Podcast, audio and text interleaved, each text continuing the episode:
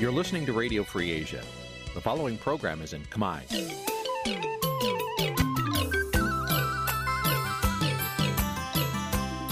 Nǐ chi càm bi tiệp xáy vệt chiu a zì sáy. នេះជាកម្មវិធីផ្សាយរបស់ Vithu Azisari ជាភាសាខ្មែរ វត្តឈូអាស៊ីសេរីសូមស្វាគមន៍លោកអ្នកនាងទាំងអស់ពីរដ្ឋធានី Washington នៃសហរដ្ឋអាមេរិកបាទខ្ញុំបាទយ៉ងច័ន្ទដារា សូមជម្រាបសួរលោកអ្នកនាងអ្នកស្ដាប់វិទ្យុអាស៊ីសេរីទាំងអស់ជាទីមេត្រីខ្ញុំបាទសូមជូនកម្មវិធីផ្សាយសម្រាប់ព្រឹកថ្ងៃសៅរ៍1រោចខែភទ្របទឆ្នាំថោះបัญចស័កពុទ្ធសករាជ2567ត្រូវនឹងថ្ងៃទី30ខែកញ្ញាគ្រិស្តសករាជ2023បាទជាដំបូងនេះសូមអញ្ជើញអស់លោកអ្នកនាងស្ដាប់ព័ត៌មានប្រចាំថ្ងៃដែលមានមេត្តាដូចតទៅ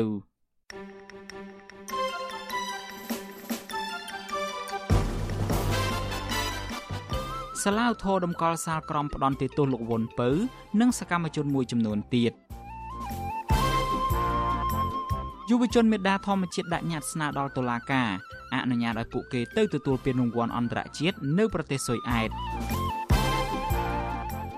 សហជីពថាជីវភាពកម្មករកាត់ដេរនៅកម្ពុជា នៅតែជួបការលំបាកជាងកម្មករប្រទេសមួយចំនួនក្នុងតំបន់ ផ្សារទំនើបនិងកន្លែងផ្ដល់សេវាកម្មទេសចរជាច្រើននៅខេត្តសៀមរាបបិទទ្វារជាបន្តបន្ទាប់ដោយសារថយចុះភ្ញៀវទេសចររួមនឹងព័ត៌មានសំខាន់សំខាន់មួយចំនួនទៀតបាទជាបន្តទៅទៀតនេះខ្ញុំបាទយ៉ងច័ន្ទដារាសូមជូនព័ត៌មានទាំងនេះពឹស្ដាសាឡាវធរភ្នំពេញដំកល់សេចក្តីសម្រេចរបស់សាលាដំបងរាជធានីភ្នំពេញដែលផ្ដន់ទោសអ្នកការពារសិទ្ធិមនុស្សលោកវុនពៅ និងសកម្មជនមួយចំនួនទៀតតាក់ទងទៅនឹងសកម្មភាពតវ៉ាទាមទារដំឡើងប្រាក់ខែកម្មករកាលពីឆ្នាំ2014នោះទុកជាបានការដដែល លោកវុនពៅចាត់ទុកសេចក្តីសម្រេចនេះថាជារឿងអយុត្តិធម៌ខណៈអាជ្ញាធរមិនបាននាំខ្លួនជនប្រព្រឹត្តអំពើហិង្សាទៅលើអ្នកតវ៉ាយកមកផ្ដន់ទោសនោះឡើយបានអ្នកស្រីម៉ៅសុធីនីរាយការណ៍ព័ត៌មាននេះជូនលោកអ្នកនាង។ សាលាឧទ្ធរភ្នំពេញបានដំកល់សេចក្តីសម្រេចរបស់សាលាដំបងរាជធានីភ្នំពេញជុំវិញសំណុំរឿងរបស់អតីតកម្មជនសហជីពដែលទាមទារដំឡើងប្រាក់ខែកម្មករកាលពីឆ្នាំ2014ពីបទចោទញុះញង់បង្កឲ្យមានភាពវឹកវរធ្ងន់ធ្ងរដល់សន្តិសុខសង្គមទុកជាបានកាក់ ប្រធានក្រុមប្រឹក្សាជំនុំជម្រះនៃសាលាតូលោកប្លង់សំណាង បានប្រកាសសាលដីកាជំវិញសំណុំរឿងអតីតកម្មជនតវ៉ាទាមទារដំឡើងប្រាក់ខែកម្មករចំនួន10នាក់ដែលរក្សាកាត់ទោសឲ្យជាប់ពន្ធនាគារចាប់ពី4ឆ្នាំទៅ4ឆ្នាំ6ខែប៉ុន្តែអនុវត្តទោសត្រឹមតែ4ខែ28ថ្ងៃ នៅក្នុងពន្ធនាគារដូចទៅនឹងសាលក្រមសាលាដំបងរាជធានីភ្នំពេញកាលពីឆ្នាំ2014ដដែលទោះយ៉ាងណាសាលាតូបានសម្រេចលុបចោលការបង់ប្រាក់ផាកពិន័យចំនួន8លានរៀលចេញវិញការប្រកាសសាលដីកានៅថ្ងៃទី29ខែកញ្ញានេះក៏មានមន្ត្រីអង្គការសង្ត្រាល់តំណាងសហជីពនិងអង្គការការពារសិទ្ធិមនុស្សមួយចំនួនទៀត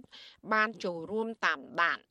ដោយឡែកនៅខាងមុខតឡាការវិញប្រជាពលរដ្ឋប្រមាណ20នាក់ក៏បានទៅផ្ដល់ការលើកទឹកចិត្តដល់អតីតកម្មជនតវ៉ាទាមទារដំឡើងប្រាក់ខែកម្មករផងដែរប្រធានសមាគមប្រជាធិបតេយ្យឯករាជ្យនៃសេដ្ឋកិច្ចក្រៅប្រព័ន្ធលោកវុនពៅប្រាប់វិទ្យុអសីស្រីថាសេចក្តីសម្រេចរបស់សាលាតូនេះមិនបានផ្ដល់យុត្តិធម៌ដល់លោក និងសកម្មជនតវ៉ាសុំដំឡើងប្រាក់ខែកម្មករទាំង9នាក់ទៀតនោះឡើយ។ លោកបានលើកឡើងទាំងអួរដាំកថារយៈពេលជិត10ឆ្នាំមកហើយ ដែលលោករំពឹងថានឹងទទួលបានយុត្តិធម៌ក៏ប៉ុន្តែតឡាការបែរជារក្សាឲ្យលោកមានទោសដដែលខណៈអ្នកដែលបានប្រើអំពើហិង្សាវាយលោកឲ្យហូរឈាមស្រោចពេញខ្លួន មិនត្រូវបានតឡាការចាប់យកមកប្រឈមផ្លូវច្បាប់នោះឡើយ។ សំណុំពរទៅរដ្ឋាភិបាលត្រូវតែទម្លាក់ការចោទប្រកាន់មកលើរូបខ្ញុំគ្រប់នៃសំណុំរឿងនេះទៅផ្ដល់យុត្តិធម៌ឲ្យពេញលេញសម្រាប់រូបខ្ញុំដើម្បីកិត្តិយសរបស់ជាតិជាពិសេសអាណត្តិទី7នេះគឺប្រទេសយើងនៅរងជាប់ EBA ក៏ដូចជា GSP នៅឡើយអញ្ចឹងដើម្បីបានទាំងអស់ហ្នឹងទាល់តែពួកយើងទទួលបានយុត្តិធម៌ខ្ញុំគិតថាអន្តរជាតិនឹងពិចារណាចំណុចទាំងអស់នេះ លោកវុនពៅនិងសកម្មជន22នាក់ផ្សេងទៀតបានតវ៉ាទាមទារឲ្យតម្លើងប្រាក់ខែអបបរមាដល់កម្មករយ៉ាងតិច160ដុល្លារបានរងអំពើហិង្សាធ្ងន់ធ្ងរពីសំណាក់កងឆ័ត្រយងពិសេស911និងកងកម្លាំងសមត្ថកិច្ចក្រុងភ្នំពេញ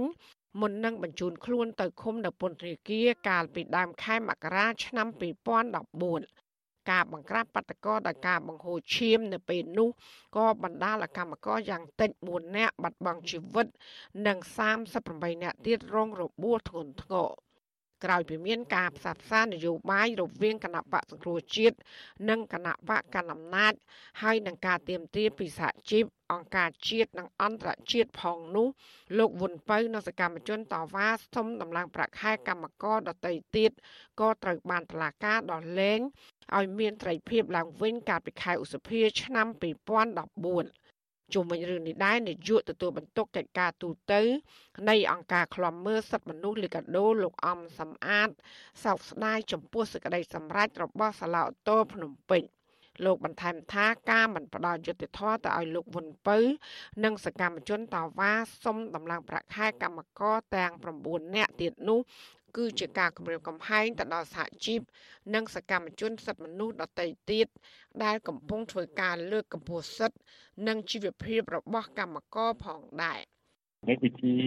រឿងសារមួយដែលធ្វើឲ្យបំបាក់ទៅលើស្មារតីរបស់អ្នកធ្វើការងារសង្គមធ្វើការងារផ្នែកសិទ្ធិមនុស្សក៏សិទ្ធិកម្មករព្រោះពួកគាត់ប៉ុន្តែសារពាផលប្រយោជន៍របស់កម្មករត្រូវបានជាប់ពន្ធនាគារហើយត្រូវបានចាប់ប្រកាន់ហើយនឹងកាត់ទោសរយៈពេលជាច្រើនឆ្នាំប៉ុន្តែបានតែអនុវត្តទោសជាក់ស្ដែងទៅតាមខែទៅដោយក៏វាជារឿងមួយអយុត្តិធម៌សម្រាប់គាត់ណា សហជីពឯករាជ្យតែងតែលើកឡើងថាដោយសារតែការលះបង់សាច់ស្រស់ឈាមស្រស់របស់អ្នកតវ៉ាទាំងនេះហើយទើបរដ្ឋាភិបាលកាលពីឆ្នាំ2014បានសម្រេចដំឡើងប្រាក់ខែអបបរមាឲ្យកម្មករពី100ដុល្លារទៅដល់128ដុល្លារអាមេរិកសម្រាប់ឆ្នាំ2015លោកវុនពៅបញ្ជាក់ថាលោកនឹងដាក់បណ្ដឹងសារទុកចំពោះសេចក្តីសម្រេចរបស់សាឡាវតូនេះ ទៅតុលាការកំពូលបន្តទៀតដើម្បីទទួលបានយុត្តិធម៌ចាននាងខ្ញុំម៉ៃសុធានីវិទ្យុអសីស្រីប្រធានាធិបតី Washington បាទលោកអ្នកនាងជាទីមេត្រីតកតងទៅនឹងរឿងក្តីក្តាំនៅតុលាការនេះដែរ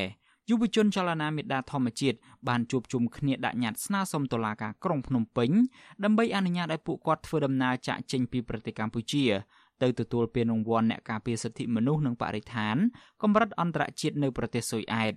មន្ត្រីអង្គការសង្គមស៊ីវិលថារដ្ឋាភិបាលនិងតុលាការគួរតែអនុញ្ញាតឲ្យក្រុមយុវជន បានទៅទទួលពានរង្វាន់ដោយផ្ទាល់នៅបរទេសដើម្បីនាំឈ្មោះកម្ពុជា ទៅកាន់ឆាកអន្តរជាតិបាទនេះជាសេចក្តីរាយការណ៍ព័ត៌មានរបស់លោកទីនហ្សាការីយ៉ាក្រុមយុវជនចលនាមេដាធម្មជាតិបានជួបជុំគ្នានៅសាកលវិទ្យាល័យភូមិន្ទភ្នំពេញដើម្បីរងចាំគ្នាឡើងជិះរមាក់កង់3រួមគ្នា បាននាំគ្នាទៅដាក់ញត្តិនៅសាលាដំបងរាជធានីភ្នំពេញដើម្បីសុំការអនុញ្ញាតពីតុលាការធ្វើដំណើរទៅក្រៅប្រទេសដើម្បីទៅទទួលពានរង្វាន់នៅប្រទេសស៊ុយអែតយុវជនចលនាមេដាធម្មជាតិដែលសុំការអនុញ្ញាតពីតុលាការទៅប្រទេសស៊ុយអែតនេះរួមមានកញ្ញាឡុងកុនធាកញ្ញាភួនកែវរស្មី និងលោកថនរដ្ឋាយុវជនចលនាមេដាធម្មជាតិលោកថនរដ្ឋាប្រាប់វិទ្យុអសិរ័យថា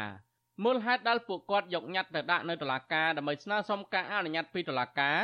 ធ្វើដំណើរទៅក្រៅប្រទេសនេះគឺដើម្បីទៅទទួលពានរង្វាន់នៅឯប្រទេសស៊ុយអែតពានរង្វាន់នេះក៏មិនមែនសម្រាប់តែពួកយើងក៏ប្រជាជនខ្មែរគឺរដ្ឋាភិបាលខ្លួនឯងហ្នឹងក៏ជាមុខមាត់មួយសម្រាប់ខ្លួនឯងគឺមានប្រជាជននៅក្នុងប្រទេសខ្លួនដែលជាម្ចាស់ពានរង្វាន់សកលមួយធំគឺជាមោទនភាពដូចគ្នាអញ្ចឹងយើងដងហើយម្ដងទៀតយើងយើងជឿជាក់ថាអាដាមបរិញ្ញានឹងអនុញ្ញាតឲ្យពួកយើងទាំង3នាក់បានចាក់ចេញទៅទទួលពានរង្វាន់នេះដោយផ្ទាល់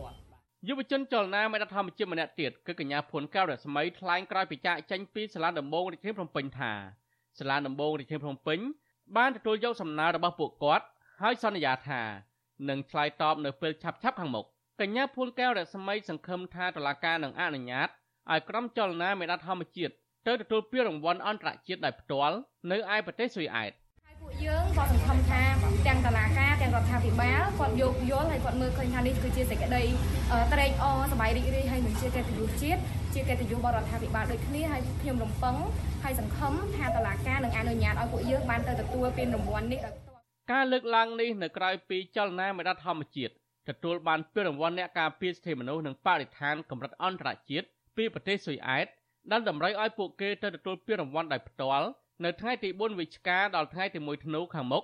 ប៉ុន្តែពួកគេកំពុងតែជាប់បំរាម របស់តុលាការដែលមិនអនុញ្ញាតឲ្យធ្វើដំណើរចេញពីរង្វង់ទឹកដីនៃព្រះរាជាណាចក្រកម្ពុជា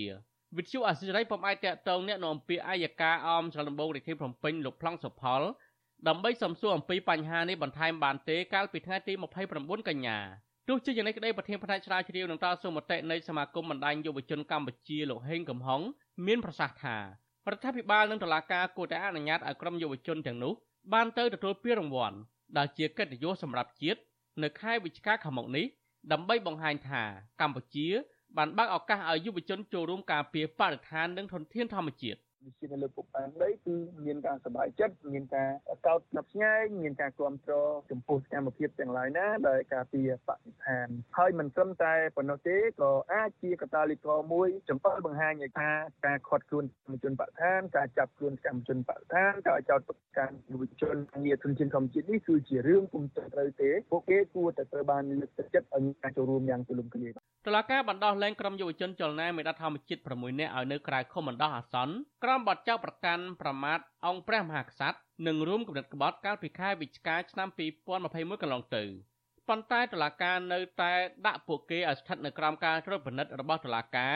និងភ្ជាប់ជាមួយបំរាមមួយចំនួនក្នុងនោះរួមមានការមិនអនុញ្ញាតឲ្យចាកចេញពីប្រទេសកម្ពុជាដោយគ្មានការអនុញ្ញាតពីតុលាការជាមុនឡើយ។យុវជននិងមន្ត្រីអង្គការសង្គមស៊ីវិលស្នើដល់រដ្ឋាភិបាលនិងតុលាការឲ្យបើកឱកាសដល់យុវជនចលនាមេដាធម្មជាតិ ទៅទទួលពានរង្វាន់នៅក្រៅប្រទេសនិងបង្ហាញពីសក្តានុពលធនធានមនុស្សនៅកម្ពុជានៅលើឆាកអន្តរជាតិខ្ញុំបាទធីនសាការីយ៉ាអស៊ីសេរីប្រធានាធិបតី Washington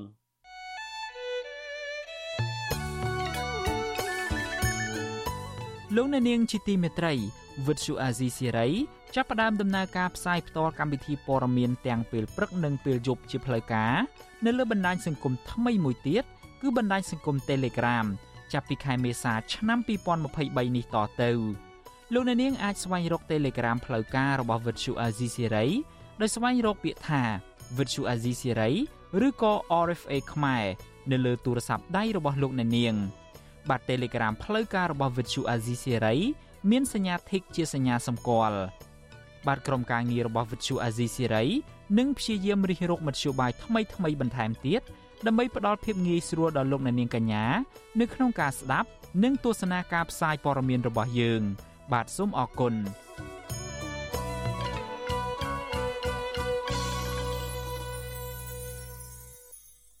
បាទលោកអ្នកនាងជាទីមេត្រីពាក់ព័ន្ធទៅនឹងរឿងនយោបាយឯនេះវិញ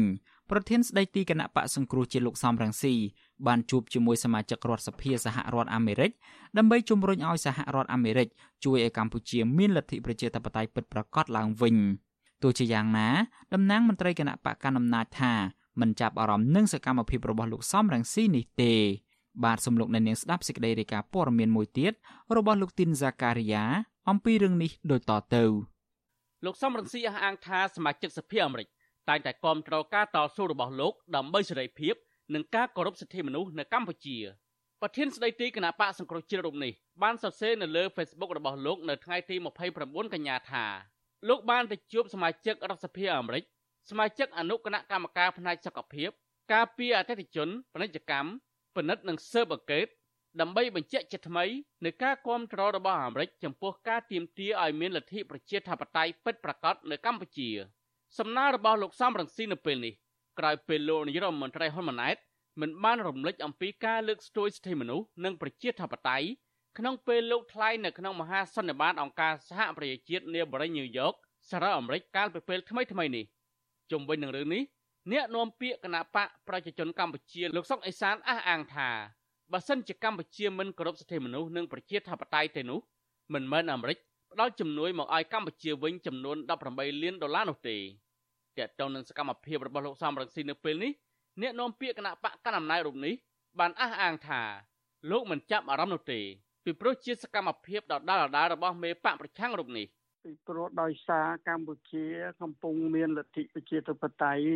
យ៉ាងទូលំទូលាយមានសិទ្ធិសេរីភាពយ៉ាងទូលំទូលាយនេះហើយបានជារដ្ឋាភិបាលអាមេរិកផ្ដល់ជំនួយឡើងវិញពេលដែលកាត់កន្លងទៅនេះទោះបីជាបែបនេះក្តី មន្ត្រីកម្មវិធីជំនួយអាមេរិក USAID បានប្រាប់វិទ្យុអាស៊ីសេរីថាការផ្តល់ជំនួយ18លានដុល្លារឡើងវិញនោះក្រោយពីមានការជជែករវាងភាគីកម្ពុជានិងអាមេរិកយ៉ាងល្អិតល្អន់ហើយជំនួយនោះទៀតសោតគឺដើម្បីធ្វើការប្រឆាំងនឹងការប្រែប្រួលបរិស្ថាន និងសេវាសុខភាពសាធារណៈមន្ត្រីរូបនេះបន្ថែមទៀតថាអាមេរិកបានបញ្ជាក់ហើយថាការផ្តល់ជំនួយឡើងវិញនេះក៏ជាផ្នែកមួយនៃការបដិញ្ញាចិត្តរបស់អាមេរិកក្នុងការជួយកម្ពុជាឲ្យមានលទ្ធិប្រជាធិបតេយ្យ ឯករាជ្យដល់រដ្ឋាភិបាលត្រូវស្ដាប់រាល់មតិទូទៅរបស់ប្រជាពលរដ្ឋតែទៅនឹងបញ្ហានេះប្រធានអង្គការសម្ព័ន្ធភាពការពារសិទ្ធិមនុស្សកម្ពុជាហកថាច្រាក់លោករស់សុថាយល់ឃើញថាសារអាមេរិកមិនមែនចេះតែជឿនរណាម្នាក់ដោយគ្មានភ័ស្តុតាងនោះទេមន្ត្រីសង្គមស៊ីវិលរំនេះបន្តទៀតថាសកម្មភាពរបស់លោកសំរងស៊ីនៅពេលនេះជាសារមួយបង្ហាញថាមេដឹកនាំគណៈបកប្រឆាំងរូបនេះនៅតែគិតគូរពីវាសនារបស់ប្រទេសកម្ពុជា ចឹងគឺជាផ្នែកមួយនៃនៃការពិចារណារបស់រដ្ឋសហរដ្ឋអាមេរិកដែរហើយសហរដ្ឋអាមេរិកក៏មិនចេះតែជឿបុគ្គលណាទេណាជាព័ត៌មានដែលមានតម្លៃសម្រាប់អន្តរជាតិក្នុងការដោះស្រាយបញ្ហាក្នុងប្រជាធិបតេយ្យប្រទេសកម្ពុជាចាប់តាំងពីរដ្ឋាភិបាលឯកបកបានរំលាយគណៈបកសង្គ្រោះជាតិកាលពីឆ្នាំ2017និងមិនអោយគណៈបកភ្លឹងទៀនដែលជាគណៈបកប្រឆាំងចុងក្រោយគេចូលរួមការបោះឆ្នោត កាលពីថ្ងៃទី23កក្កដាសហគមន៍អន្តរជាតិតែងតែរំលឹកទៅរដ្ឋាភិបាលជាញឹកញាប់ឲ្យវិលមកគោរពសិទ្ធិមនុស្សនិងស្ដារប្រជាធិបតេយ្យឡើងវិញដើម្បីឲ្យកម្ពុជាទទួលបានប្រព័ន្ធអនុគ្រោះពន្ធ GSP របស់អាមេរិកនិងប្រព័ន្ធអនុគ្រោះពន្ធ EBA របស់សហភាពអឺរ៉ុបឡើងវិញហើយម្យ៉ាងទៀតដើម្បីជៀសផុតពីទណ្ឌកម្មនានាពីសហគមន៍អន្តរជាតិខ្ញុំម៉ាទីនសាការីយ៉ាអាស៊ីសេរីប្រធានាធិបតី Washington លោកអ្នកនាងកញ្ញាជាទីមេត្រីវិទ្យុអាស៊ីសេរីសូមជូនដំណឹងថាយើងគ្មានអ្នកយកព័ត៌មានប្រចាំនៅប្រទេសកម្ពុជាទេប្រសិនបើមានជនណាម្នាក់អះអាងថាជាអ្នកយកព័ត៌មានឲ្យវិទ្យុអាស៊ីសេរីនៅកម្ពុជានោះគឺជាការក្លែងបន្លំយកឈ្មោះអាស៊ីសេរីទៅប្រើនៅក្នុងគោលបំណងទុច្ចរិតណាមួយរបស់បុគ្គលនោះតែប៉ុណ្ណោះបាទសូមអរគុណ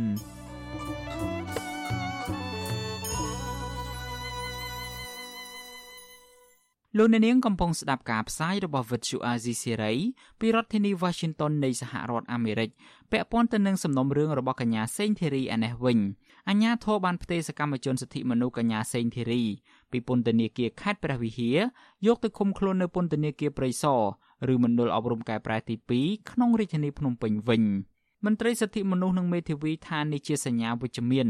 ក្រោយលោកនាយរដ្ឋមន្ត្រីហ៊ុនម៉ាណែតបានជួបជាមួយមន្ត្រីសហរដ្ឋអាមេរិកផ្ទួនផ្ទួនគ្នាទាំងនៅក្នុងប្រទេសកម្ពុជា និងលើទឹកដីអាមេរិកពួកគេទទូចឲ្យរដ្ឋាភិបាលកម្ពុជាដោះលែងកញ្ញាសេងធីរីព្រមទាំងអ្នកទោសនយោបាយនិងអ្នកទោសមនសិការផ្សេងទៀតឲ្យមានសេរីភាពឡើងវិញក្រោយពេលមន្ត្រីសិទ្ធិមនុស្សនិងមេធាវីដាក់លិខិតទៅតុលាការនិងក្រសួងមហាផ្ទៃជាបន្តបន្ទាប់នោះអាជ្ញាធរឲ្យដឹងថា អ្នកជំនាញច្បាប់នឹងកិច្ចការអន្តរជាតិកញ្ញាសេងធីរីត្រូវបានបញ្ជូនពីពន្ធនាគារខេត្តព្រះវិហារទៅឃុំខ្លួននៅពន្ធនាគារម2នៅរាជធានីភ្នំពេញវិញ កាលពីថ្ងៃទី23ខែកញ្ញាអ្នកនាំពាក្យអគ្គនាយកដ្ឋានពន្ធនាគារនៃក្រសួងមហាផ្ទៃលោកនុតសវណ្ណាប្រាប់វិទ្យុអាស៊ីសេរីនៅថ្ងៃទី29កញ្ញាថាកញ្ញាសេងធីរី កំពុងជាប់ឃុំ នៅក្នុងមណ្ឌលអប់រំកែប្រែម៉ូ2 លោកថាមូលហេតុដែលអាជ្ញាធរដឹកកញ្ញាសេងធីរីត្រឡប់មកវិញនេះធ្វើឡើងទៅតាមការសម្រេចរបស់ថ្នាក់ដឹកនាំក្រសួង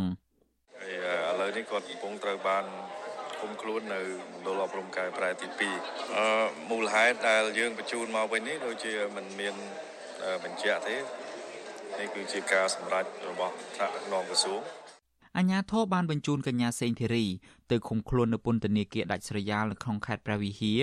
កាលពីថ្ងៃទី15ខែមិថុនាឆ្នាំ2022ក្រុមហេតុផលធានាសន្តិសុខនិងសម្ដាប់ធ្នាប់សាធារណៈនៅមួយថ្ងៃក្រោយពីតុលាការក្រុងភ្នំពេញបានកាត់ទោសកម្មជនសិទ្ធិមនុស្សរូបនេះឲ្យជាប់ពន្ធនាគារ6ឆ្នាំពីបទចោទរួមគំនិតក្បត់ក្នុងសំណុំរឿងវិលជុលស្រុករបស់លោកសំរងស៊ីកាលពីឆ្នាំ2019 ក៏ប៉ុន្តែមន្ត្រីអង្គការសង្គមស៊ីវិលបានចាត់ទុកចំណាត់ការរបស់អាជ្ញាធរកន្លងទៅនេះថាជាការធ្វើទុកបុកម្នេញផ្នែកនយោបាយជាពិសេសជាការរំលោភសិទ្ធិរបស់ជនជាប់ឃុំតកតងទៅនឹងរឿងនេះមេធាវីកញ្ញាសេងធីរីគឺលោកសំចម្រើនថ្លែងថាការផ្ទេរកញ្ញាសេងធីរីពីពន្ធនាគារខេត្តព្រះវិហារមកកាន់ពន្ធនាគារនៅរាជធានីភ្នំពេញនេះនឹងជួយឲ្យកូនក្តីរបស់លោកងាយស្រួលជួបជាមួយក្រុមគ្រួសារនិងមេធាវី ក៏ប៉ុន្តែលោកឲ្យដឹងថារហូតមកដល់ពេលនេះសាឡាវធោភ្នំពេញមិនទាន់កំណត់ថ្ងៃបើកសវនាការលើបណ្ដឹងឧទ្ធររបស់កញ្ញាសេងធីរីនៅឡើយទេដូច្នេះលោកនឹងចូលជួបសួរសុខទុក្ខនិងពិភាក្សាផ្លូវច្បាប់ជាមួយកូនក្តីរបស់លោកនៅសប្តាហ៍ក្រោយនេះ។ ខ្ញុំមានលិខិតពីនាយកដ្ឋានហើយខ្ញុំនឹងចូលជួបគាត់ក្នុងនាមមេធាវីនឹងគុណក្តីហ្នឹងជាមិនមានឧបសគ្គអីណាទេណាធម្មតាយើងជែកជែកជារួមហើយទៅទៅអស់ហ្នឹងណាទៅលើហេតុអង្គស្រាប់នៃរឿងក្តីទាំងទៅជែកគ្នានៅទីនេះគាត់មកនៅនៅចិត្តនេះហើយយើងងាយជួបជាឆ្ងាយទៅឆ្ងាយណាស្រដៀងគ្នានេះដែរអ្នកនាំពាក្យសមាគមការពារសិទ្ធិមនុស្សអាត់ហុកលោកសឹងសានករណា សាទរចំពោះការបញ្ជូនកញ្ញាសេងធីរីមកដាក់នៅពន្ធនាគារព្រៃសរនៅរាជធានីភ្នំពេញដែលនៅជិតមេធាវីក្រុមគ្រួសារនិងមិត្តភ័ក្តិលោកយល់ថាករណីនេះជាសញ្ញាល្អមួយក្រោយពីមន្ត្រីសហរដ្ឋអាមេរិកបានជួបពិភាក្សាជាមួយមន្ត្រីរដ្ឋាភិបាលជាបន្តបន្ទាប់មកនេះ។ទោះជាយ៉ាងនេះក្តីមន្ត្រីសិទ្ធិមនុស្សរូបនេះជំរុញឲ្យតុលាការពន្លឿនសវនាការលើសំណុំរឿងនេះឲ្យបានឆាប់និងដោះលែងកញ្ញាសេងធីរីឲ្យមានសេរីភាពវិញ ពីព្រោះសកម្មភាពតស៊ូមតិរបស់កញ្ញាសេងធីរីកន្លងទៅនោះគឺជាការអនុវត្តសិទ្ធិដើម្បីស្វែងរកយុត្តិធម៌និងការគោរពសិទ្ធិមនុស្សបណ្ដាប្រទេស លោកសេរីគឺតែងតែលើកយកនៅអ្វីដែលជាការរំលោភបំពានសិទ្ធិមនុស្សលោកបំពេញទៅលើគោលការណ៍លទ្ធិប្រជាធិបតេយ្យឬក៏ស្ថានភាពនយោបាយរបស់កម្ពុជានឹងទៅចែកជាមួយនឹងខាងថ្នាក់ដឹកនាំនៃរដ្ឋាភិបាលថ្មីនឹងហើយប៉ុន្តែអ្វីដែលជាការសម្រេចរបស់រដ្ឋាភិបាលថ្មីក្នុងការបើកទៅលំហនិងសិទ្ធិសេរីភាពទាំងអស់នោះទៅវិញទេដែលយើងមិនទាន់ឃើញមានអ្វីដែលកើតឡើងជាដុំពុពួនប៉ុន្តែយ៉ាងណាយើងនៅតែ ធ្វើការក្លំមើលនិងតាមដានជាបន្តទៅទៀតសង្ឃឹមថាករណីកញ្ញាសេងច័ន្ទធីរីនេះគឺជាចំណុចចាប់ផ្ដើមដែលបើកនៅលំហសិទ្ធិសេរីភាពផ្នែកនយោបាយនេះឡើងវិញបាទវិទ្យុអាស៊ីសេរីមិនទាន់អាចតាក់ទងแนะនាំពាក្យសាឡាវធោភ្នំពេញលោកប្លង់សំណាងនិងแนะនាំពាក្យក្រសួងយុតិធម៌លោកចិនម៉ាលីនដើម្បីសាកសួរអំពីរឿងនេះបានទេ នៅថ្ងៃទី29កញ្ញាកាលពីពេលថ្មីថ្មីនេះ សហរដ្ឋអាមេរិកបានជំរុញឲ្យលោកហ៊ុនម៉ាណែតនិងរដ្ឋាភិបាលថ្មីរបស់លោកបើកលំហសិទ្ធិសេរីភាពពលរដ្ឋឡើងវិញដើម្បីធានាថាពលរដ្ឋខ្មែរទាំងអស់អាចចូលរួមបានដោយសេរីនៅក្នុងដំណើរការនយោបាយហើយដោះលែងបុគ្គលនិងសកម្មជននយោបាយរួមទាំងសកម្មជនសិទ្ធិមនុស្សជាតិខ្មែរអាមេរិកាំងគឺកញ្ញាសេងធីរីម្នាក់ផងដែរលោកអ្នកនាងជាទីមេត្រី វិទ្យុអាស៊ីសេរីនឹងចេញផ្សាយ podcast កម្ពុជាសប្តាហ៍នេះនៅរៀងរាល់ព្រឹកថ្ងៃសៅរ៍ម៉ោងនៅកម្ពុជានៃសប្តាហ៍នីមួយៗបាទកម្មវិធី podcast នេះរៀបចំដោយនាយកនិងនាយករងនៃកម្មវិធីផ្សាយ Vithu Azizi Serai ជាភាសាខ្មែរគឺលោកសំពូលីនិងលោកជុនច័ន្ទបុត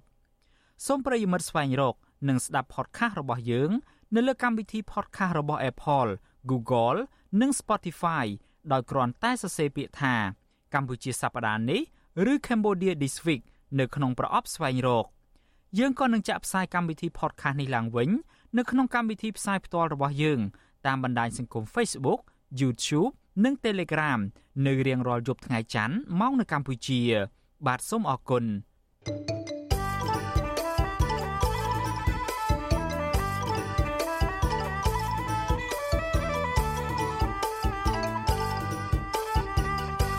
បាទលោកអ្នកនាងជាទីមេត្រីយើងងាកមកចាប់អារម្មណ៍ពាក់ព័ន្ធទៅនឹងការផ្លាស់ប្តូរសមាជិកដឹកនាំក្នុងស្ថាប័នកោជបឯនេះវិញគណៈបកហ្វុនស៊ិនពេជ្រដែលទទួលបានអាសនៈចំនួន5នៅក្នុងរដ្ឋសភា រំពឹងថាគណៈបកនេះអាចនឹងទទួលបានតួនាទីនៅក្នុងការដឹកនាំក្បាលម៉ាស៊ីនគណៈកម្មាធិការជាតិរៀបចំការបោះឆ្នោតបាទពាក់ព័ន្ធទៅនឹងរឿងនេះមន្ត្រីគណៈបកកណ្ដាលអំណាចថាការផ្លាស់ប្តូរសមាជិកសមាជិកកោជបបែបណានោះគឺអាស្រ័យលើច្បាប់បាទនេះជាសេចក្តីរាយការណ៍របស់លោកយុនសាមៀន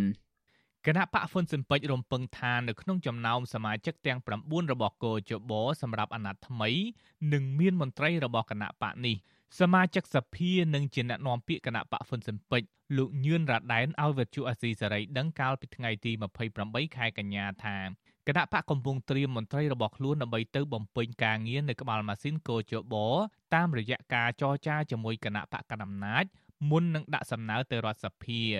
លោកឲ្យដឹងថារដ្ឋសភាត្រូវការពេលវេលាយ៉ាងហោចណាស់3ខែទៀតដើម្បីអាចទទួលសំណើនេះបានតាមច្បាប់តាមអីហ្នឹងគឺយើងប្រសិនបើអាចអនុវត្តទៅតាមរដ្ឋធម្មនុញ្ញហ្នឹងយើងនឹងរកមន្ត្រីឯករាជ្យណាដើម្បីទៅកាន់កាប់ជាពិសេសសម្រាប់គណៈបកទៅតែម្ដងគឺមានមន្ត្រីឯករាជ្យរបស់ខ្លួនសម្រាប់ទៅចូលរួមនៅស្ថាប័ននេះបាទ គណៈបកហ៊ុនស៊ិនពេចទទួលបានអាសនៈនៅក្នុងរដ្ឋសភាចំនួន5នៅក្នុងការបោះឆ្នោតកាលពីថ្ងៃទី23ខែកក្កដាដែលសហគមន៍អន្តរជាតិរិះគន់ថាជាការបោះឆ្នោតបង្ក្រប់កិច្ចព្រោះគ្មានគណៈបកប្រឆាំងចូលរួមចំណែកអាសនៈចំនួន120ទៀតត្រូវបានគណៈបកប្រជាជនកម្ពុជាប្រមូលយកទាំងអស់ទោះបីជាគណៈបកហ្វុនស៊ិនពេចទទួលបានកៅអី5នៅក្នុងរដ្ឋសភាក្តី ប៉ុន្តែច្បាប់ស្តីពីការរៀបចំនិងការប្រព្រឹត្តទៅនៃគណៈកម្មាធិការជាតិរៀបចំការបោះឆ្នោតមាត្រា6ចែងថាសមាជិកកោជបទាំង9រូបនៅក្នុងនោះ4រូបត្រូវជ្រើសរើសចេញពីគណៈបកកណ្ដាលអំណាច4រូបទៀតត្រូវជ្រើសរើសចេញពីគណៈបកមានអាសនៈនៅក្នុងរដ្ឋសភា ដែលមិនចូលរួមនៅក្នុងរដ្ឋាភិបាលនិងមួយទៀតត្រូវរើសចេញពីការព្រមព្រៀងគ្នារវាងគណៈបកទាំងអស់ដែលមានអាសនៈនៅក្នុងសភា ច្បាប់ដដែលនេះចែងថាគណៈកម្មការអចិន្ត្រៃយ៍រដ្ឋសភាត្រូវសម្របសម្រួលជាមួយគណៈបកដែលមានអាសនៈនៅក្នុងសភាដើម្បីជ្រើសរើសសមាជិកទាំង9រូបរបស់គោជប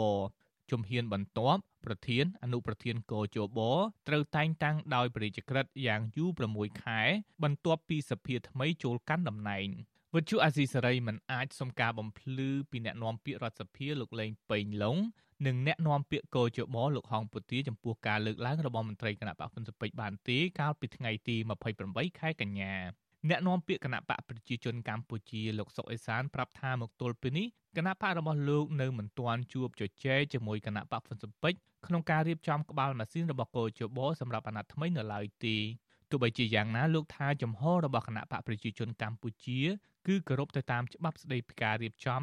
និងការប្រព្រឹត្តទៅនៃគណៈកម្មាធិការជាតិរៀបចំការបោះឆ្នោតដូចខ្ញុំថាអញ្ចឹងវាផ្អែកទៅលើគោលការណ៍ច្បាប់ជួនណាគាត់ស្នើទៅគាត់ថាវាមិនស្របទៅតាមខ្លឹមសារច្បាប់ដែលមានចែងអាហ្នឹងក៏វាមិនបានដែរអាហ្នឹងវាផ្អែកទៅលើគោលការណ៍ច្បាប់ឯងយើងអនុវត្តគាត់ថាត្រូវតែអនុលោមទៅតាមខ្លឹមសារច្បាប់មិនមែនចេះតែស្នើឲ្យយល់យល់យល់ឲ្យយើងចេះតែធ្វើក្រោយបញ្ចប់វិបត្តិនយោបាយកាលពីឆ្នាំ2014 គណៈបកប្រជាជនកម្ពុជានិងគណៈបកសង្គ្រោះជាតិបានព្រមព្រៀងគ្នាបង្កើតសមាជិកភាពក្បាលម៉ាស៊ីនកោជបថ្មី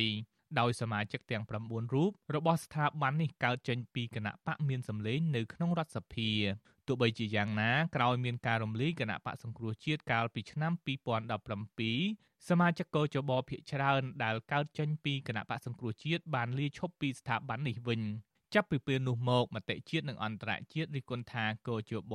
ជាស្ថាប័នស្ថិតក្រោមឥទ្ធិពលរបស់គណៈបកកណ្ដាលអំណាចហើយសហរដ្ឋអាមេរិកនិងសហភាពអឺរ៉ុបក៏មិនបានផ្ដល់ជំនួយដល់ស្ថាប័ននេះទៀតនោះដែរខ្ញុំយុនសាមៀនវិទ្យុអាស៊ីសេរីប្រធានាធិបតី Washington អាស៊ីសេរី បាទលោកអ្នកនាងជាទីមេត្រីខ្ញុំបាទសូមជម្រាបជូនលោកអ្នកនាងកញ្ញាទាំងអស់ឲ្យបានជ្រាបថាវិទ្យុអាស៊ីសេរីនៅពេលនេះមានការផ្សាយនៅតាមវិទ្យុរលកថេដាកាខ្លីឬមួយក៏ shortwave តាមកម្រិតនិងកម្ពស់ថ្មីមួយគឺតាមកម្រិតនិងកម្ពស់ដូចតទៅនេះបាទពេលព្រឹកគឺចាប់ពីម៉ោង5កន្លះដល់ម៉ោង6កន្លះតាមរយៈប៉ុស SW 12.14 MHz ស្មើនឹងកម្ពស់ 25m និងប៉ុស SW 13.71 MHz ស្មើនឹងកម្ពស់ 22m ពេលយប់ចាប់ពីម៉ោង7កន្លះដល់ម៉ោង8កន្លះតាមរយៈប៉ុស SW 9.33 MHz ស្មើនឹងកម្ពស់ 32m ប៉ុស SW 11.88 MHz ស្មើនឹងកម្ពស់ 25m និងប៉ុស SW 12.15 MHz ស្មើនឹងកម្ពស់ 25m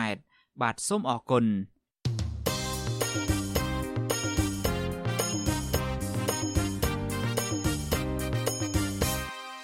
បាទលោកអ្នកនាងជាទីមេត្រីយើងងាកមកចាប់អារម្មណ៍ពាក់ព័ន្ធទៅនឹងវិស័យកាត់ដេរនេះវិញសហជីពតំណាងកម្មករថាបើទោះបីជាប្រាក់ឈ្នួលអបបរមារបស់កម្មករកាត់ដេរនៅកម្ពុជាខ្ពស់ជាងប្រទេសមួយចំនួននៅក្នុងតំបន់ក៏ដោយក៏ជីវភាពរបស់កម្មករកម្ពុជា មានកម្រិតទាបជាងកម្មករប្រទេសដទៃបាទពួកគាត់ស្នើដល់រដ្ឋាភិបាលលើកស្ទួយជីវភាពកម្មករដោយយកប្រទេសអភិវឌ្ឍធ្វើជាគំរូបាទលោកលេងម៉ាលីរាយការណ៍ព័ត៌មាននេះ ក្រមសហជីពកម្មករថ្លែងថាការយកប្រាក់ឈ្នួលអបបរមារបស់កម្មករកម្ពុជាទៅប្រៀបធៀបជាមួយនឹងកម្មករប្រទេសក្នុងតំបន់មួយចំនួនដែលក្រីក្រខ្លាំងមិនអាចវាយតម្លៃឬវាស់ស្ទង់ពីកម្រិតជីវភាពនៃការរស់នៅជាក់ស្ដែងរបស់កម្មករបានឡើយប្រធានសហជីពស្មារតីកម្មករនៃរោងចក្រ Sintai Garment Cambodia លោកកឹមសុផេនប្រាប់វិទ្យុអស៊ីសេរីនៅថ្ងៃទី29កញ្ញាថា បើក្រឡេកមើលទៅលើប្រាក់ឈ្នួលប្រចាំខែរបស់កម្មករនៅកម្ពុជា ហាក់មានចំនួនច្រើនជាងកម្មករប្រទេសក្នុងតំបន់ពិតមែនប៉ុន្តែបើពិនិត្យមើលទស្សនវិជ្ជាជាក់ស្ដែងវិញ កម្មកររោងចក្រភាគច្រើនរស់នៅក្នុងជីវភាពលំបាកនិងខ្វះខាតនៅឡើយ។ យើងទៅប្រៀបធៀបប្រទេសគេហើយប្រៀបធៀបប្រទេសយើងអញ្ចឹងយើងយកប្រទេសយើងទៅប្រៀបធៀបជាមួយសហគមន៍ផ្សេងផ្សេងប្រទេសសម្ដាប្រទេសផ្សេងផ្សេងនៅដែលគាត់មានប្រាក់ខែខ្ពស់ជាងយើងមើលបើស្អីយើងមានសន្តិក្នុងការដោះស្រាយជូនបងប្អូនកម្មករពិតប្រាកដយើងយកប្រទេសដែលមានប្រាក់ខែខ្ពស់ជាងយើងមកប្រៀបធៀបតែយើងយកអ្នកទៀបមកប្រៀបធៀបអញ្ចឹងមានន័យថាយើងមិនសូវជាឲ្យតម្លៃកម្មករប្រហែលទេការលើកឡើងនេះគឺបន្ទាប់ពីសារព័ត៌មានដែលស្និទ្ធនឹងរដ្ឋាភិបាលបានចុះផ្សាយដោយដកស្រង់របាយការណ៍ពីអង្គការអន្តរជាតិខាងការងារ ហៅកាត់ថា ILO ថាកម្ពុជាមានប្រាក់ឈ្នួលក្នុងវិស័យកាត់ដេរខ្ពស់ជាងប្រទេសចំនួន5ផ្សេងទៀតនៅក្នុងតំបន់របាយការណ៍បង្ហាញថាឆ្នាំ2023វៀតណាមមានប្រាក់ឈ្នួលចន្លោះពី138ដុល្លារទៅ198ដុល្លារស្រីលង្កា39ដុល្លារបង់ក្លាដេស74ដុល្លារឡាវ75ដុល្លារនិងមីយ៉ាន់ម៉ាចំនួន69ដុល្លារជាដើម ការចុះផ្សាយនេះគឺក្រោយពេលក្រសួងការងារបានកំណត់ប្រាក់ឈ្នួលអបបរមារបស់កម្មករវិស័យវាយនភ័ណ្ឌឆ្នាំ2024ចំនួន204ដុល្លារទោះជាយ៉ាងណាក្តីកម្មកររោងចក្រភ ieck ច្រើនមិនពេញចិត្តចំពោះការសម្រេចនេះឡើយព្រោះការដំឡើងប្រាក់ឈ្នួលដ៏តិចតួចបែបនេះនឹងធ្វើឲ្យជីវភាពកម្មករកាន់តែលំបាកបើប្រៀបធៀបនឹងកំណើនអតិផរណា និងការឡើងថ្លៃទំនិញគ្រប់ប្រភេទនៅលើទីផ្សារទាក់ទិនរឿងនេះ រដ្ឋមន្ត្រីក្រសួងកាងារលោកហេងសួរបានថ្លែងបន្ទាប់ពីបិទបញ្ចប់កិច្ចប្រជុំក្រុមប្រឹក្សាជាតិប្រាក់ឈ្នួលអបបរមាថាក្រៅពីការតម្លើងប្រាក់ឈ្នួលអបបរមាចំនួន4ដុល្លារហើយរដ្ឋាភិបាលរបស់លោកហ៊ុនម៉ាណែតក៏នឹងចាត់វិធានការដើម្បីរកវិធីកាត់បន្ថយការចំណាយរបស់កម្មករដែរ។ ដោយដែលសម្ដេចចុបដីធ្លាប់បានមានមតិនៅក្នុងអង្គពិធីសម្ដែងសម្ដាជាមួយបងប្អូនកម្មករយុចិត្តយើងអញ្ចឹងថា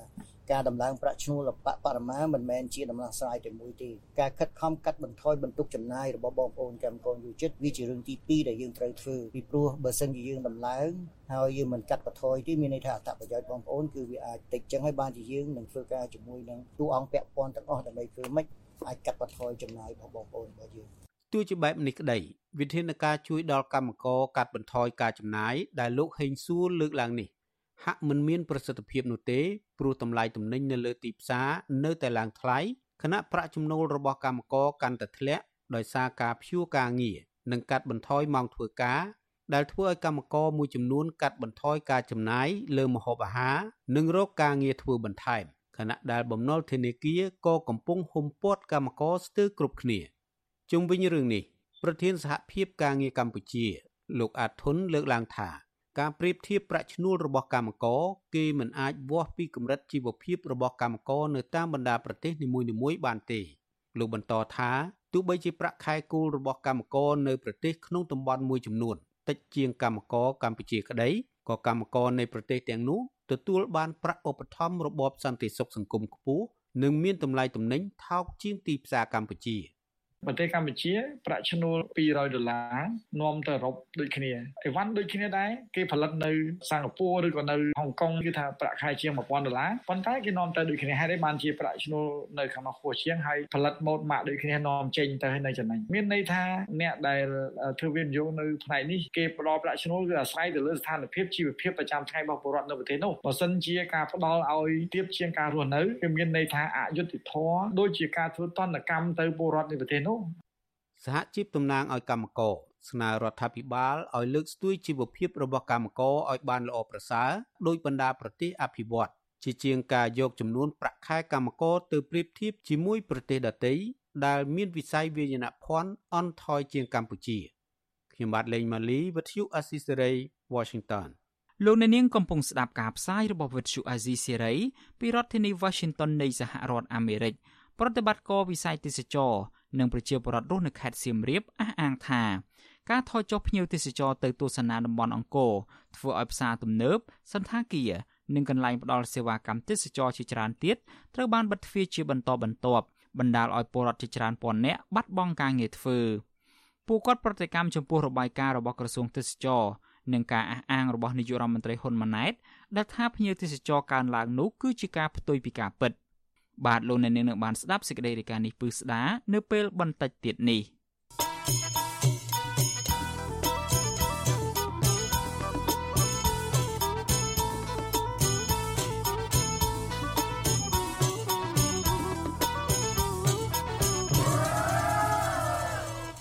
លោកអ្នកនាងកំពុងស្ដាប់ការផ្សាយរបស់ Vithu Azizi Serai ពីរដ្ឋធានី Washington នៃសហរដ្ឋអាមេរិកក្រុមអ្នកស្រាវជ្រាវផ្នែកវប្បធម៌ ព្រួយបារម្ភពីការបាត់បង់ប្រាសាទបុរាណជាបន្តបន្ទាប់កប់នៅក្នុងព្រៃជាច្រើន ដែលពុំសូវមានអ្នកស្គាល់ស្ថិតនៅក្នុងខេត្តសៀមរាបខេត្តកំពង់ចាមនិងខេត្តព្រះវិហារក្រុមអ្នកស្រាវជ្រាវទាំងនោះបានប្រើពេលជាង1ឆ្នាំរករកប្រាសាទបុរាណនិងតំបន់បុរាណដ្ឋានជាច្រើន នៅក្នុងតំបន់ដាច់ស្រយាលដែលពុំសូវមានអ្នកចាប់អារម្មណ៍បាទសូមលោកអ្នកនាងស្ដាប់សេចក្តីរាយការណ៍មួយទៀតរបស់អ្នកស្រីម៉ៅសុធានីដូចតទៅ។ ក្រុមអ្នកស្រាវជ្រាវផ្នែកវប្បធម៌យល់ថាប៉ះសិនបើរដ្ឋាភិបាល និងក្រសួងវប្បធម៌នៅតែមិនចាប់អារម្មណ៍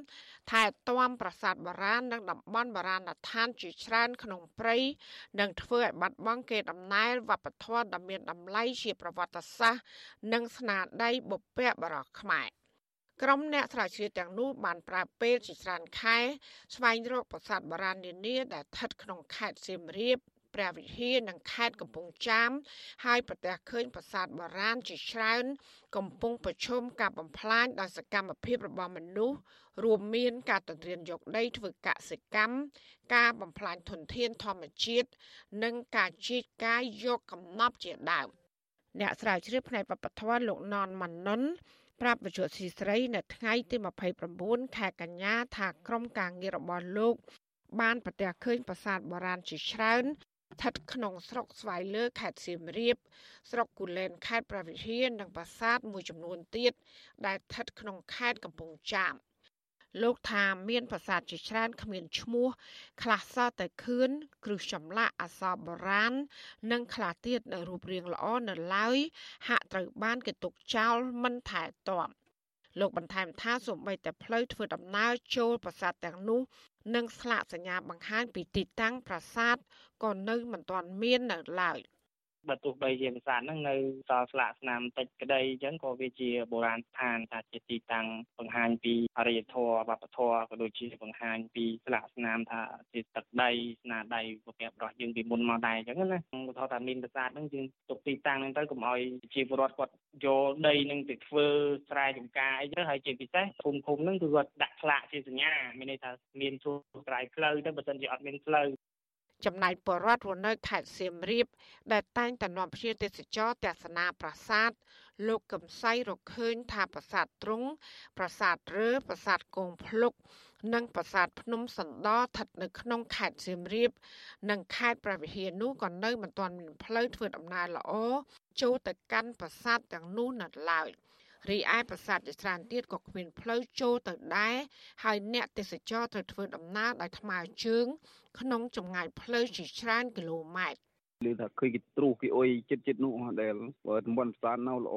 ឃើញថាបើគេអាញាធូគេនៅតំបន់នោះគេអត់ជួយថែសារមិនដឹងយ៉ាងណាដូចថាដូចថាខ្ញុំមានព្រួយអារម្មណ៍ខ្លះដែរបើដូចថាយើងអត់ហ៊ានអាកា ឆ្លើយតបរឿងនេះអ្នកនាំពាក្យអាជ្ញាធរជាតិអប្សរាលោកលងកុសល បកស្រាយថាការថែទាំប្រាសាទបុរាណកប់ក្នុងព្រៃនិងនៅតំបន់ដាច់ស្រយាលនោះគឺហួសពីដែនសមត្ថកិច្ចរបស់អាជ្ញាធរអប្សរាតែយ៉ាងណាលោកថាក្រសួងវប្បធម៌មិនធ្វេសប្រហែសឡើយក្នុងការកែលម្អថែទាំនិងជួសជុលប្រាសាទបុរាណនានានៅក្នុងខេត្តនីមួយៗក៏ប៉ុន្តែអ្វីជាឧបសគ្គនោះ គឺលទ្ធភាពថវិកានៅមានកម្រិតយើងចង់កែលម្អយើងចង់កែកុនយើងចង់ធ្វើឲ្យមានភាពល្អប្រសើរវាស្ថិតនៅលើថវិការបស់យើងយើងមានគ្រប់គ្រាន់លទ្ធភាពរបស់យើងអត់ណាយើងត្រូវដាក់កំណត់អតិភិបតើត្រូវអតិភិបនេះអតិភិបនោះលក្ខនឹងលក្ខអញ្ចឹងណាបងណាជុំវិញរឿងនេះប្រធានសមាគមមគ្គទេសទេសចរខ្មែរអង្គរលោកខៀវធី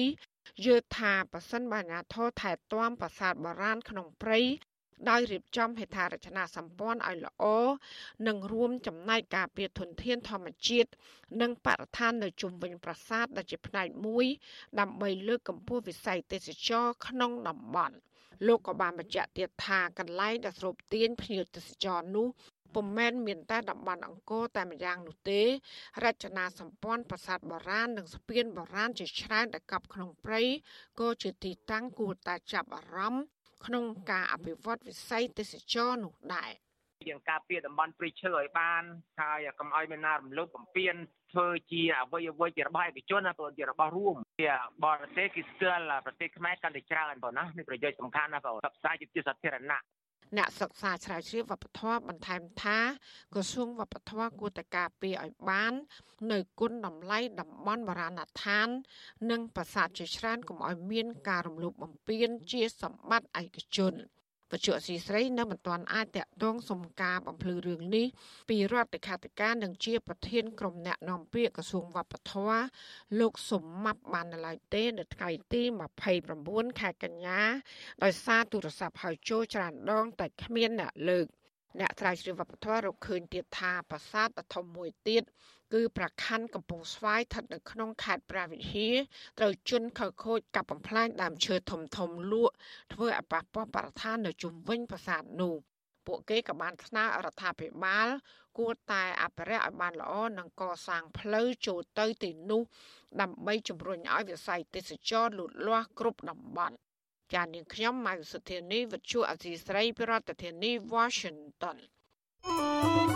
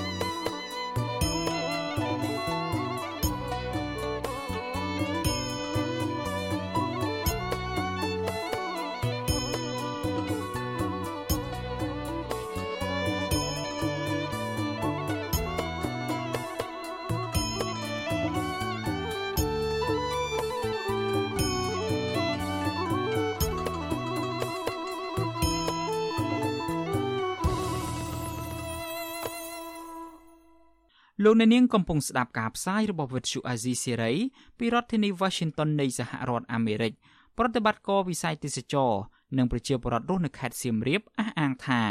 ការថយចុះភ្ញៀវទេសចរទៅទស្សនាតំបន់អង្គរធ្វើឲ្យផ្សារទំនើបសន្តាគារនិងកន្លែងផ្ដល់សេវាកម្មទេសចរជាច្រើនទៀតត្រូវបានបិទទ្វារជាបន្តបន្ទាប់បណ្ដាលឲ្យពលរដ្ឋជាច្រើនពាន់នាក់បាត់បង់ការងារធ្វើពួកគាត់ប្រតិកម្មចំពោះរបាយការណ៍របស់ក្រសួងទេសចរ និងការអះអាងរបស់នាយករដ្ឋមន្ត្រីហ៊ុនម៉ាណែតដែលថាភ្ញៀវទេសចរកើនឡើងនោះគឺជាការផ្ទុយពីការពិតបាទសូមលោកអ្នកនាងស្ដាប់សេចក្តីរាយការណ៍ព័ត៌មាននេះរបស់លោកជាតិចំណានដូចតទៅទីក្រុងអង្គរខេត្តសៀមរាបដែលធ្លាប់សម្បូរទៅដោយភ្ញៀវទេសចរជាច្រើនកកកធ្វើឲ្យប្រព័ន្ធសេដ្ឋកិច្ចក្នុងតំបន់ទេសចរប្រវត្តិសាស្ត្រមួយនេះរីកចម្រើនខ្លាំងក៏ប៉ុន្តែក្នុងរយៈពេលជាង4ខែចុងក្រោយនេះចំនួនភ្ញៀវទេសចរកាន់តែធ្លាក់ចុះខ្លាំង ចំណែកអតិថិភាពតាមដងផ្លូវទៅប្រាសាទអង្គរវត្តកន្លែងលក់វត្ថុអនុស្សាវរីយ៍អាហារដ្ឋានផ្សារទំនើបនិងផ្សាររាត្រីដ៏ល្បីនៅក្នុងខេត្តសៀមរាបក៏ស្ងប់ស្ងាត់ដែរប្រតិបត្តិការវិស័យទេសចរចាត់ទុកភាពស្ងប់ស្ងាត់នេះបានរុញច្រានឲ្យជីវភាពរបស់ពួកគាត់កាន់តែលំបាកគ្មានលទ្ធភាពរកប្រាក់បង្វិលសងធនាគារនិងអ្នកខ្លះទៀតត្រូវបង្ខំចិត្តចំណាក់ស្រុកធ្វើការនៅក្រៅប្រទេសរីឯសន្តាគារនិងផ្ទះសំណាក់ជាច្រើនកន្លែងបានបិទស្លាកលក់ឬជួលហើយខ្លះទៀតត្រូវបិទទ្វារ ដោយបង្ខំចិត្តកាត់បន្ថយបុគ្គលិកជាច្រើនអ្នក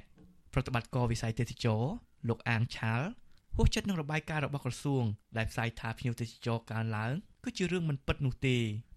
លោកថាមួយរយៈនេះលោកសង្កេតឃើញមានភ្ញៀវទេសចរតិចតួចប៉ុណ្ណោះហើយពួកគាត់ភ័យច្រើន បានចាយវេត្បិតត្បៀតណាស់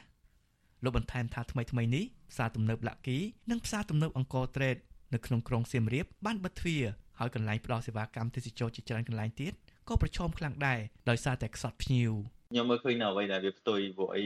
ប្រហែលខែខែទៅ2ខែចុងក្រោយនេះគឺមានភ្ញៀវទេហើយខ្ញុំទៅពីកាភ្ញៀវនៅបលៀនគឺភ្ញៀវភាគច្រើនក៏គាត់ថា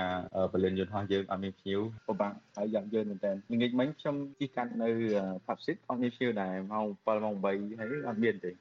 លោកអាងឆាលបន្ថែមថាបលិនយន្តហោះខេត្តសៀមរាបធ្លាប់មានជើងហោះហើរគិតជាមធ្យម30ជើងក្នុងមួយថ្ងៃពេលនេះបានថយចុះសល់ត្រឹម11ជើងតែប៉ុណ្ណោះ លោកបញ្ជាក់ថាជើងហោះហើរចំនួន11ជើងនេះគឺមកពីប្រទេសថៃវៀតណាមសិង្ហបុរីនិងម៉ាឡេស៊ីរីឯជើងហោះហើរមកពីប្រទេសចិនបានផ្អាកហើយប្រតិបត្តិការទេសចររូបនេះបារម្ភថាអ្នកដែលរងគ្រោះធ្ងន់ធ្ងរជាងគេគឺប្រជាពលរដ្ឋអ្នកលក់ដូរតូចតាចនិងអ្នកដែលជំពាក់លុយធនាគារលោកថាបច្ចុប្បន្នមានសន្តាគារតិចតួចប៉ុណ្ណោះនៅបន្តដំណើរការដោយសារតែម្ចាស់សន្តាគារទាំងនោះគឺជាអ្នកមានទ្រព្យច្រើនថ្មីថ្មីនេះលោកនាយករដ្ឋមន្ត្រីហ៊ុនម៉ាណែត បានថ្លែងថាកម្ពុជាបានកត់ត្រាចំនួនភ្ញៀវទេសចរអន្តរជាតិចំនួន3លាន5សែននាក់ក្នុងរយៈពេល8ខែដំបូងនៃឆ្នាំ2023ដែលកើនឡើងជាង250%បើធៀបនឹងឆ្នាំមុនលោកថ្លែងបែបនេះនៅក្នុងទិវាទេសចរពិភពលោកឆ្នាំ2023ក្រុមប្រធានបទទេសចរនឹងការវិនិយោគបៃតងកាលពីថ្ងៃទី26ខែកញ្ញាសៀមរាបយើងកំពុងតែលូតថ្ងៃមុនពីណាទៅថតប្រហោះអត់មនុស្សដឹងគេថតមកប្រហែលខ្ញុំមិនដឹងទេទៅមើលឥឡូវមិនមែនអត់សោះទេយើងកើនឡើងវិញ សមាគមមគ្គទេសទេសចរខ្មែរអង្គរនិងមន្ត្រីសង្គមស៊ីវិលបារម្ភថាប្រសិនបើមន្ត្រីធ្វើរបាយការណ៍កុហកទៅថ្នាក់ដឹកនាំនោះរដ្ឋាភិបាលមិនអាចរកឬគោលដោះស្រាយបញ្ហាឲ្យបានចំទិសដៅនោះឡើយពួកគេស្នើក្រសួងសម័យកែប្រែចំណុចខ្វះខាតឡើងវិញដើម្បីដោះស្រាយបញ្ហានោះឲ្យមានប្រសិទ្ធភាពប្រធានសមាគមមគ្គទេសទេសចរខ្មែរអង្គរលោក QT មានប្រសាសន៍ថាភ្ញៀវទេសចរដែលទៅទស្សនាតំបន់អង្គរបានថយចុះច្រើនហើយបច្ចុប្បន្នមានតែភ្ញៀវទេសចរក្នុងស្រុក ដែលមកកំសាន្តនៅខេត្តសៀមរាបមានការមកទៅនឹងទៅឃើញខ្ញុំដល់ដុំកពួនដល់ហើយហ្នឹងបរបាយការណ៍របស់ក្រសួងអានោះការប៉ុន្តែនេះដែលប្រព័ន្ធបត្តិការទេសចរមានការនេះមិនតែពុកតែប៉ោនេះបងបានមួយខែ3 4ក្រុម3ក្រុមមកក្រុមខ្ញុំមកមួយក្រុម2ថ្ងៃបានតែ6ថ្ងៃនេះមកមកមួយខែមួយថ្ងៃ30ដុល្លារមួយខែ6បាន6ថ្ងៃបានតែ180ដុល្លារចែកអត់គ្រប់ទេមួយខែបាន3ក្រុមក្នុងកាយនេះក៏ទេសចរបានតែមកទិញមកកស៊ីប៉ុណ្ណឹងឯងណា វិសុអសិសរីមិនអាចតាក់ទងរដ្ឋមន្ត្រីក្រសួងទេសចរលោកសុកសូកេននិងអ្នកនាំពាក្យក្រសួងទេសចរលោកតុបសុភ័ក្របាននៅឡើយទេនៅថ្ងៃទី29ខែកញ្ញាដោយទូរស័ព្ទហៅចូលជាច្រើនដងតែគ្មានអ្នកលើកក៏ប៉ុន្តែអ្នកនាំពាក្យអាជ្ញាធរជាតិអប្សរាលោកលងកុសលមានប្រសាសន៍ថាភ្ញៀវទេសចរបានមកទស្សនាតំបន់អង្គរនៅតែមានជាហូរហែពុំស្ងប់ស្ងាត់ដោយការផ្សព្វផ្សាយរបស់ព័ត៌មានមួយចំនួននោះទេលោកបញ្ជាក់ថាអាជ្ញាធរអប្សរាបានបន្តប្រឹងប្រែងរៀបចំហេដ្ឋារចនាសម្ព័ន្ធនិងបរិស្ថានស្អាត ដើម្បីតាក់ទាញភ្ញៀវទេសចរទាំងនោះ។មើលប្រភពឲ្យបានច្បាស់លាស់ណាកុំចេះតែលឺគេថាអញ្ចឹងវាមិនកើតទេភ្ញៀវទៅចោលមកហៅហែហៅហែស្ថានភាពជាក់ស្ដែងអញ្ចឹងអូនប្រធានមជ្ឈមណ្ឌលប្រជាពលរដ្ឋដើម្បីអភិវឌ្ឍនិងសន្តិភាពលោកយងកំអេងយល់ឃើញថាដើម្បីដោះស្រាយបញ្ហានេះរដ្ឋាភិបាលគួរតែស្ដារប្រជាធិបតេយ្យឡើងវិញដើម្បីបើកផ្លូវឲ្យអ្នកវិនិយោគនិងទេសចរដែលមកពីប្រទេសសេរីមកកម្ពុជាលោកថាបញ្ហាប្រជាធិបតេយ្យការគោរពសិទ្ធិមនុស្សនិងលំហសេរីភាពពលរដ្ឋ គឺជារឿងសំខាន់ដែលរដ្ឋាភិបាលគួរតែដោះស្រាយជាអាទិភាពដើម្បីលើកកម្ពស់វិស័យទេសចរឡើងវិញបាទទាំងអស់ហ្នឹងហើយខ្ញុំថាគួរតែរដ្ឋាភិបាលលោកចារណាទៅលើបញ្ហាហ្នឹងទៅគឺអាចនឹងរិះរោបមធ្យោបាយដោះស្រាយឲ្យបានប្រសើរទៅធ្វើឲ្យមានការជឿទុកចិត្តឡើងវិញហើយអាចធ្វើឲ្យចលនាពាណិជ្ជកម្មនឹងកាន់តែមានសន្ទុះកើនឡើងហើយបាទក្នុងពេលដែលពលរដ្ឋនៅខេត្តសៀមរាបរអ៊ូរទាំអំពីការធ្លាក់ចុះចំណូលនិងការថយចុះភ្ញៀវទេសចរ ក្នុងប្រទេសជិតខាងរបស់កម្ពុជាដូចជាប្រទេសថៃនិងវៀតណាមកំពុងមមាញឹកទទួលភ្ញៀវទេសចរចូលមកទស្សនាប្រទេសរបស់ពួកគេពលរដ្ឋទទូចឲ្យរដ្ឋាភិបាលដាក់ចេញវិធានការឲ្យមានប្រសិទ្ធភាពដើម្បីតាក់ទាញភ្ញៀវទេសចរឲ្យត្រឡប់មកប្រទេសកម្ពុជាវិញក្នុងនោះក្រៅពីការស្ដារលទ្ធិប្រជាធិបតេយ្យនិងសិទ្ធិមនុស្សរដ្ឋាភិបាលក៏ត្រូវបង្ហាញទៅកាន់អន្តរជាតិថាកម្ពុជាជាប្រទេសដែលអាចធានាសន្តិសុខសុវត្ថិភាពដល់ភ្ញៀវទេសចរផងដែរខ្ញុំបាទជាតិចំណាន Visual Assisray ពីរដ្ឋធានី Washington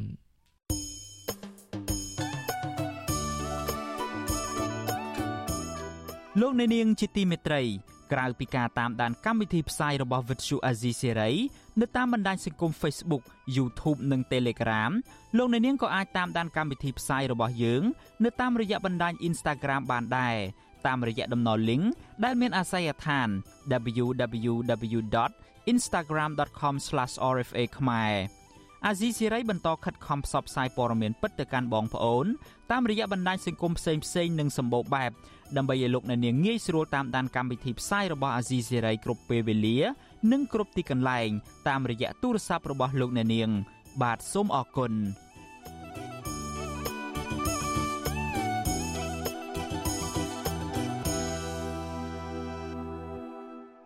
បាទលោកអ្នកនាងជាទីមេត្រីយើងងាកមកចាប់អារម្មណ៍ពាក់ព័ន្ធទៅនឹងបញ្ហាពន្ធឯនេះវិញ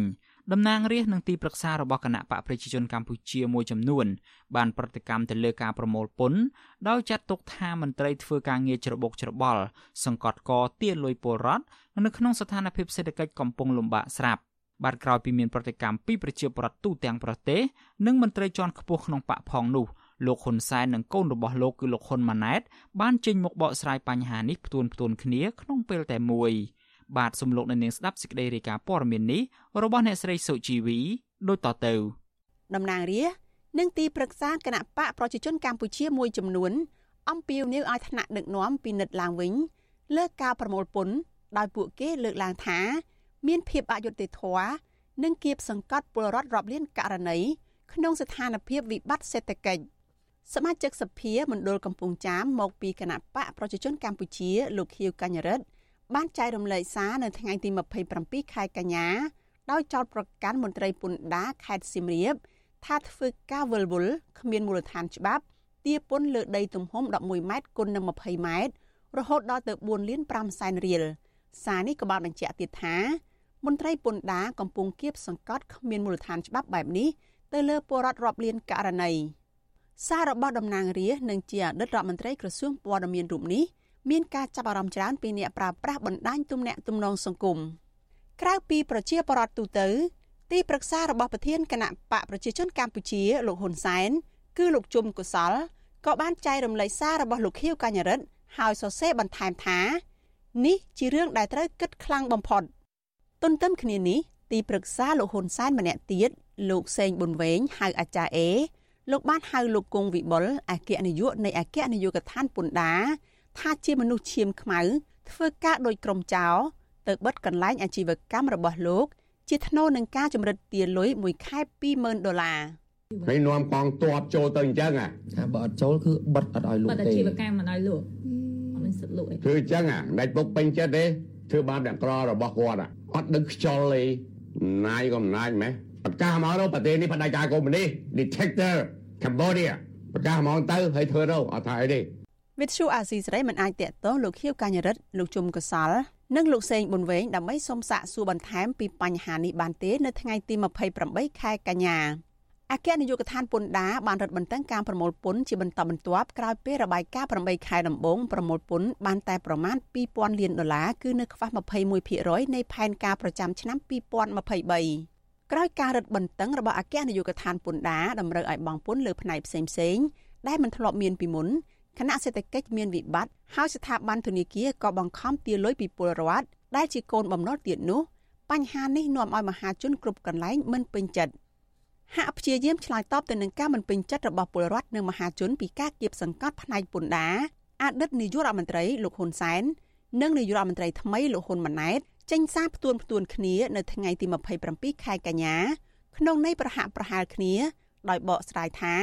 មិនមានការណែនាំឲ្យអគ្គនាយកដ្ឋានពន្ធដារទារពន្ធបន្ថែមនោះទេលោកហ៊ុនម៉ាណែតបញ្ជាក់ថារដ្ឋាភិបាលមិនបានបន្ថែមពន្ធហើយផែនការជួបវិស័យឯកជននៅចុងឆ្នាំនេះក៏មិនបន្ថែមពន្ធអ្វីដែរ ចង់បញ្ជាក់ជូនឲ្យដំលោកជំទាវបន្ថែមគឺថាតាំងពីរដ្ឋាភិបាលបង្កើតមកដល់ម៉ោងនេះគឺមិនមានការបង្កើតពន្ធបន្ថែមសម្រាប់ដាក់បន្ទុកទៅលើប្រជាពលរដ្ឋឬអាជីវករនោះទេហើយចំពោះការកិត្តគូដែលយើងនឹងធ្វើសម្រាប់ដាក់ចេញជាកញ្ចប់វិធានការអន្តរាគមសម្រាប់ខែ11ក្នុងវេទិការាជរដ្ឋាភិបាលនិងវិស័យឯកជនពិចារណាទៅលើក្របខ័ណ្ឌនៃពន្ធដែលមានស្រាប់តែប៉ុណ្ណោះ អ្នកប្រឹក្សាយោបល់ផ្នែកអភិវឌ្ឍផ្នែកគំនិតនិងស្រាវជ្រាវលោកសេសុជាតិចាត់ទុកសកម្មភាពប្រមូលពន្ធនៅពេលនេះថាកំពុងដើរបញ្ច្រាស់ពីស្ថានភាពជីវភាពរបស់ពលរដ្ឋលោកបន្តថាសកម្មភាពទាពុនកំពុងបង្ហាញពីភាពចុះទុនខ្សោយរបស់រដ្ឋាភិបាលអាណត្តិទី7នេះបញ្ហានេះអាចជាវិធានការមួយដែលរដ្ឋាភិបាលហាក់បីដូចជាបង្ហាញឲ្យឃើញពី ភាពទុនខ្សោយនៃផ្នែកសេដ្ឋកិច្ចរបស់ខ្លួនដូច្នេះមានតែដាក់ចេញនៅគោលនយោបាយប្រមូលពន្ធពីប្រជាពលរដ្ឋដើម្បីបង្ក្រប់នៅការចំណាយរបស់គាត់សម្រាប់ឆ្នាំ2024ខាងមុខអ្នកសិក្សាកិច្ចការសង្គមនិងនយោបាយលោកប៉ៅមករាលើកឡើងថា បញ្ហាពន្ធនៅពេលនេះ ជាមេរៀនដ៏សំខាន់ដែលមន្ត្រីបកកណ្ដាលអំណាចត្រូវប្រឹងប្រែងធ្វើការងារដើម្បីពង្រឹងប្រព័ន្ធច្បាប់ កុំបណ្ដោយទាល់តែមានផលប៉ះពាល់ដល់ខ្លួនឯងទើបស្រែកថាអយុត្តិធម៌ដូចពេលនេះតំណាងរាស្ត្រទាំងអស់ហ្នឹងអាដាមមន្ត្រីហ្នឹងគាត់អត់ធ្វើអីគាត់ស្ងាត់ពីមួយអាណត្តិទៅមួយអាណត្តិអញ្ចឹងណាអញ្ចឹងពីអាណត្តិទី6គឺគាត់ស្ងាត់អាណត្តិទី7នេះបើនៅតែស្ងាត់ទៀតអញ្ចឹងចង់ចង់គឺប៉ះទៀតអញ្ចឹងខ្លួនឯងដែលជាអ្នកមានសិទ្ធិក្នុងការមើលការខុសត្រូវរឿងទាំងអស់ហ្នឹងហើយនៅតែប៉ះទេអញ្ចឹងណាអ្នកជំនាញផ្នែកហិរញ្ញវត្ថុលោកង៉ែតជួមានប្រសាសន៍ថា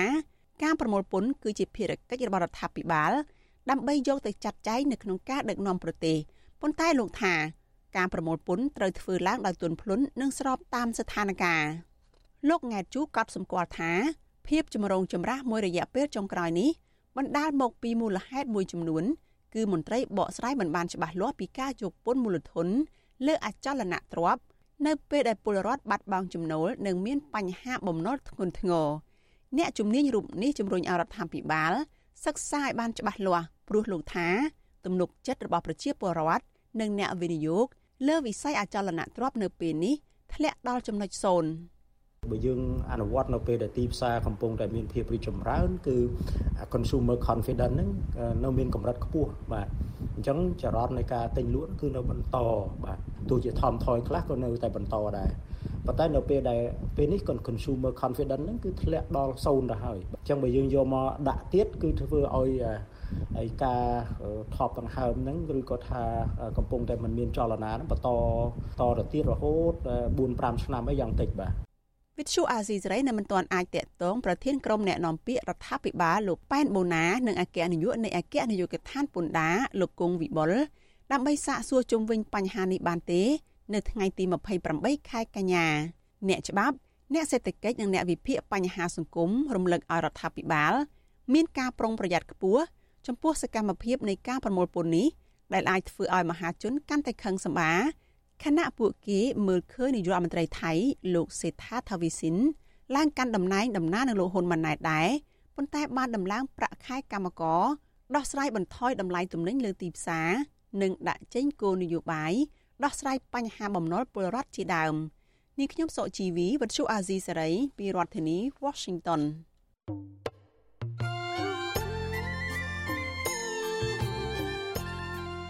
លោកអ្នកនាងជាទីមេត្រី នៅក្នុងឱកាសនេះដែរខ្ញុំបាទសូមថ្លែងអំណរគុណដល់លោកអ្នកនាងកញ្ញាទាំងអស់ដែលតែងតែមានភក្ដីភាពចំពោះការផ្សាយរបស់យើងហើយចាត់ទុកការស្ដាប់វិទ្យុអាស៊ីសេរីគឺជាផ្នែកមួយនៃសកម្មភាពប្រចាំថ្ងៃរបស់លោកអ្នកនាង គឺការគ្រប់គ្រងរបស់លោកអ្នកនាងនេះហើយដែលធ្វើឲ្យយើងខ្ញុំមានទឹកចិត្តកាន់តែខ្លាំងក្លាថែមទៀតនៅក្នុងការស្វែងរកនិងផ្តល់ព័ត៌មានជូនលោកអ្នកនាង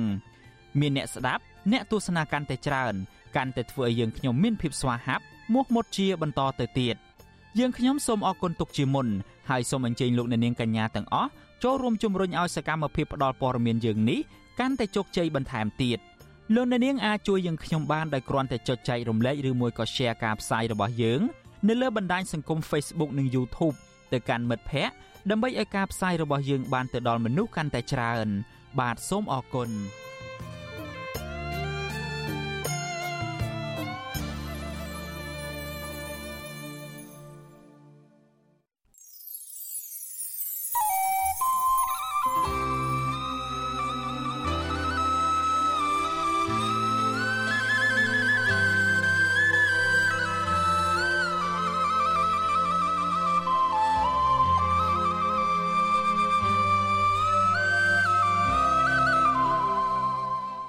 លោកអ្នកនាងជាទីមេត្រី ការផ្សាយរយៈពេល1ម៉ោងរបស់ Vuthu Azizi Serai នៅព្រឹកនេះចប់ត្រឹមតែប៉ុណ្ណេះយើងខ្ញុំសូមជូនពរដល់លោកអ្នកនាងព្រមទាំងក្រុមគ្រួសារទាំងអស់ឲ្យជួបប្រកបតែនឹងសេចក្តីសុខចម្រើនរុងរឿងកុំបីឃ្លៀងឃ្លាតឡើយខ្ញុំបាទយ៉ងច័ន្ទដារាព្រមទាំងក្រុមការងារទាំងអស់នៃ Vuthu Azizi Serai សូមអរគុណនិងសូមជម្រាបលា